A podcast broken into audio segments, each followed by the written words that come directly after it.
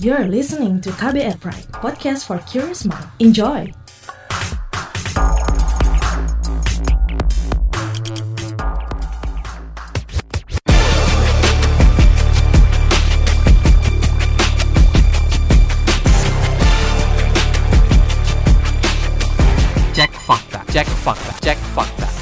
Beredar unggahan dengan narasi mobil wakil presiden kehabisan bensin, sehingga harus diisi dengan bensin eceran yang terdapat di pinggir jalan.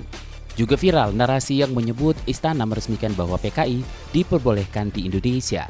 Bagaimana penelusurannya? Kita akan kupas dalam cek fakta episode kali ini kembali bersama Ketua Komite Pemeriksa Fakta Masyarakat Anti Fitnah Indonesia Mavindo, Aribo Sasmito. Saya Don Brady menghadirkan topik teratas Periksa Fakta Mavindo periode 11 hingga 17 Juli 2020. Hasil periksa fakta dengan tingkat engagement paling tinggi dalam forum anti fitnah hasut dan hoax atau FAFHH serta Instagram. Podcast ini bisa Anda simak di kbrprime.id setiap Senin dan di aplikasi podcast lainnya.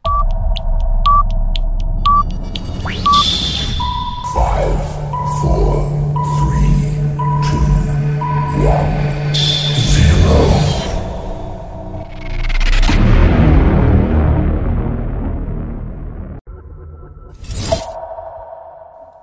5. Di posisi kelima, postingan soal nasi padang menjadi sumber penularan COVID-19. Beredar pesan berantai pada aplikasi WhatsApp yang berisi informasi mengenai imbauan agar berhati-hati memakan nasi padang. Dalam pesan tersebut diklaim bahwa nasi padang adalah sumber penyebaran virus COVID-19. Waduh, bagaimana nih penelusurannya, Mas Ari?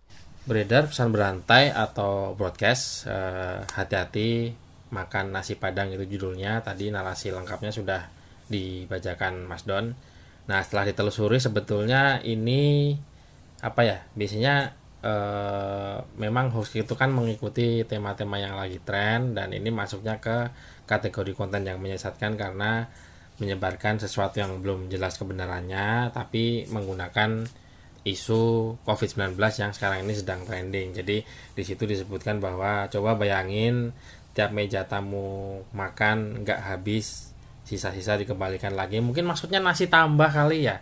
Nah masalahnya adalah sekarang ini kan e, mengikuti protokol kesehatan rata-rata warung atau tempat makan atau tempat-tempat publik lainnya misal di mall dan dan lain-lainnya itu sudah mensyaratkan semenjak dari masuk saja udah diukur uh, suhunya, lalu disediakan tempat cuci tangan, lalu hal yang berkaitan dengan sikap hidup sehat berkaitan dengan new normal atau kewajaran yang baru ini. Jadi uh, selain menyebarkan hal yang belum jelas terbukti kebenarannya ini kan memancing reaksi marah, memancing reaksi tersinggung dari uh, ya kita sama-sama tahu kalau nasi padang itu sudah bisa dibilang hampir ada di seluruh Indonesia dan penggemarnya juga cukup banyak. Termasuk saya sendiri karena kalau saya sih sering nyebutnya masakan Padang itu nggak pernah salah karena enak banget. Dan kemarin juga Chef Gordon Ramsay sampai datang ke Padang gitu ya. Walaupun itu uh, sesuatu yang mungkin agak-agak di luar topik pembicaraan kita karena masakan Padang itu ada yang tidak terima di di medsos ada yang menyebut bahwa uh, masakan Padang itu pemersatu bangsa kayak dibeginiin yang intinya sebetulnya ini tuduhan yang tidak uh, jelas keabsahannya, tidak tidak jelas latar belakangnya, tidak membawa bukti yang valid. Mungkin memang dia menyebutkan hal-hal yang sepintas valid kayak tadi tiap makanan gak habis, uh, nasinya gak habis, nasi sisa mungkin maksudnya dikembalikan lagi. Uh, bungkus terus nyebut-nyebut bekas air liur lah biasa setelah makan tuh kan ngobrol-ngobrol dan sebagainya nah itu sesuatu yang harusnya sudah bisa diantisipasi karena rata-rata tempat makan, rumah makan Padang, tempat-tempat makan lainnya itu sudah menerapkan protokol kesehatan yang kalau biasanya setelah selesai makan itu kan pasti dibersihkan mejanya. Nah, kali ini dibersihkannya juga memang harusnya memakai disinfektan dan menyesuaikan protokol-protokol kesehatan. Number 4. Di posisi keempat, narasi istana meresmikan bahwa PKI diperbolehkan di Indonesia. Sebuah akun Facebook mengunggah tangkapan layar breaking news yang berisi foto mantan Menteri Dalam Negeri Cahyo Kumolo dengan narasi istana meresmikan bahwa PKI diperbolehkan di Indonesia. Bagaimana nih penelusurannya? Peringkat 4 beredar foto yang ditambahi narasi judulnya Istana meresmikan bahwa PKI diperbolehkan di Indonesia. Nah, ini masuknya setelah ditelusuri ke masuknya ke konten yang menyesatkan. Pertama karena di sebelumnya sudah diklarifikasi sih di kemarin tahun lalu di 8 Desember 2019. Jadi itu sudah pernah diklarifikasi terus diangkat lagi. Kami sering menyebutnya HLBK atau hoax lama bersemi kembali gitu ya. Nah ini sudah diklarifikasi. Aslinya adalah ini sebetulnya video yang diambil tangkapan layarnya lalu ditambahi narasi disunting gitu ya.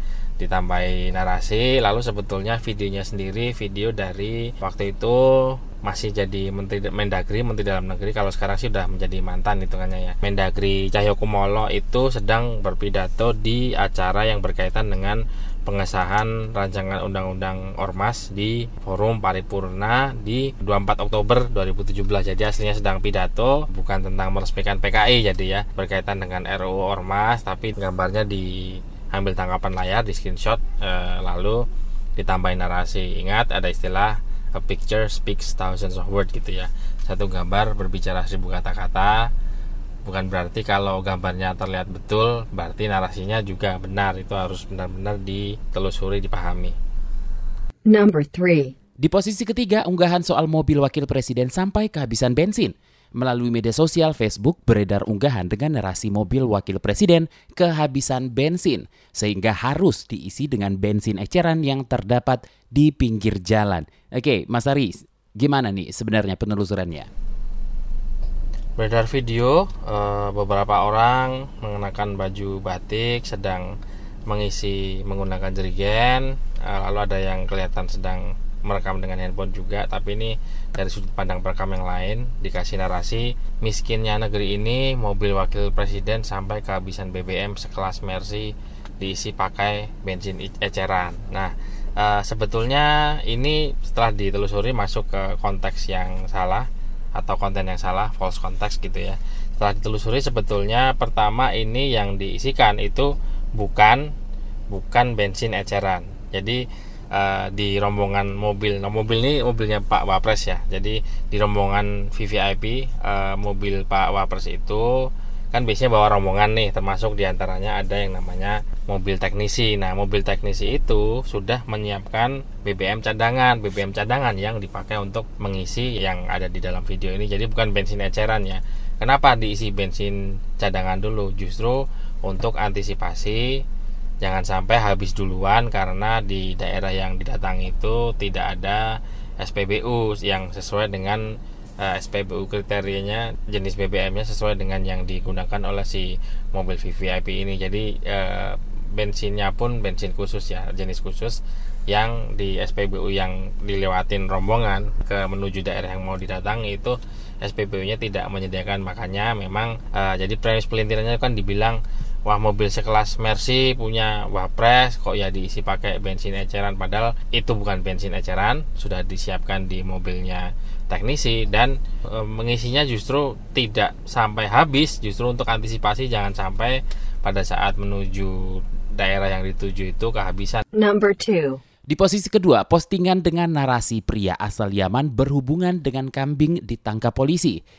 Bagaimana penelusuran postingan di Facebook dengan narasi pria asal Yaman berhubungan dengan kambing yang ditangkap polisi nih Mas Ari? Beredar gambar setelah ditelusuri ini termasuk ke kategori konten yang dimanipulasi karena gambarnya hasil suntingan gitu. Nah, ini setelah diperiksa itu sebetulnya ada beberapa media yang sudah memuat foto ini. Nah, fotonya disunting, bagian kepalanya itu diganti dengan fotonya Habib Rizik Syihab atau sering disingkat sebagai HRS fotonya diganti kepalanya di, diganti disunting fotonya. Lalu foto aslinya itu sebetulnya uh, fotonya John Ru John Ru Ginting. Jadi waktu itu ada kasus di tahun 2017 waktu itu sedang dibawa lah ya digiring oleh penyidik Polda Metro Jaya tahunnya tahun 2017 jadi sekali lagi ini konten yang disunting uh, konten yang dimanipulasi disunting kepalanya diganti kepalanya John di eh, disunting dipotong lalu diganti dengan kepalanya Habib Rizik Syihab. Nah, media sendiri sudah eh, di postnya di artikelnya kami itu sudah disertakan beberapa media yang menggunakan foto ini gitu. Jadi eh, foto ini muncul beberapa kali dipakai untuk ilustrasi berita yang berkaitan dengan eh, kasusnya John Ginting. Number one. Di posisi pertama, unggahan foto Jokov Widodov. Sebuah akun Facebook mengunggah sebuah foto yang menunjukkan Jokowi mengenakan seragam tentara dan terdapat watermark bendera Rusia serta terdapat tulisan Jokov Widodov. Bagaimana penelusurannya? Beredar foto dikasih narasi idola kita semua. Nah, di fotonya itu dikasih narasi juga Jokov Widodov pakai V gitu ya. Lalu ada huruf-huruf Soviet.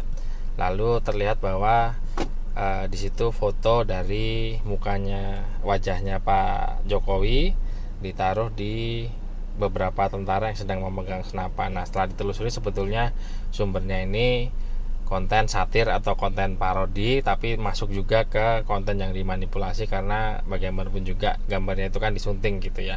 Makanya uh, kategorinya pos yang satu ini masuk ke kategori combo jadi masuk ke satir atau parodi dan masuk juga ke konten yang dimanipulasi. Aslinya sebetulnya uh, si foto parodi ini foto tentara Rusia yang sedang berlatih uh, siap-siap parade di 5 November 2017. Sumbernya dari salah satu situs yang uh, banyak uh, menjual gambar dan situs yang kredibel terpercaya gitu ya banyak diambil gambarnya untuk digunakan oleh media-media besar seluruh dunia namanya Getty Image.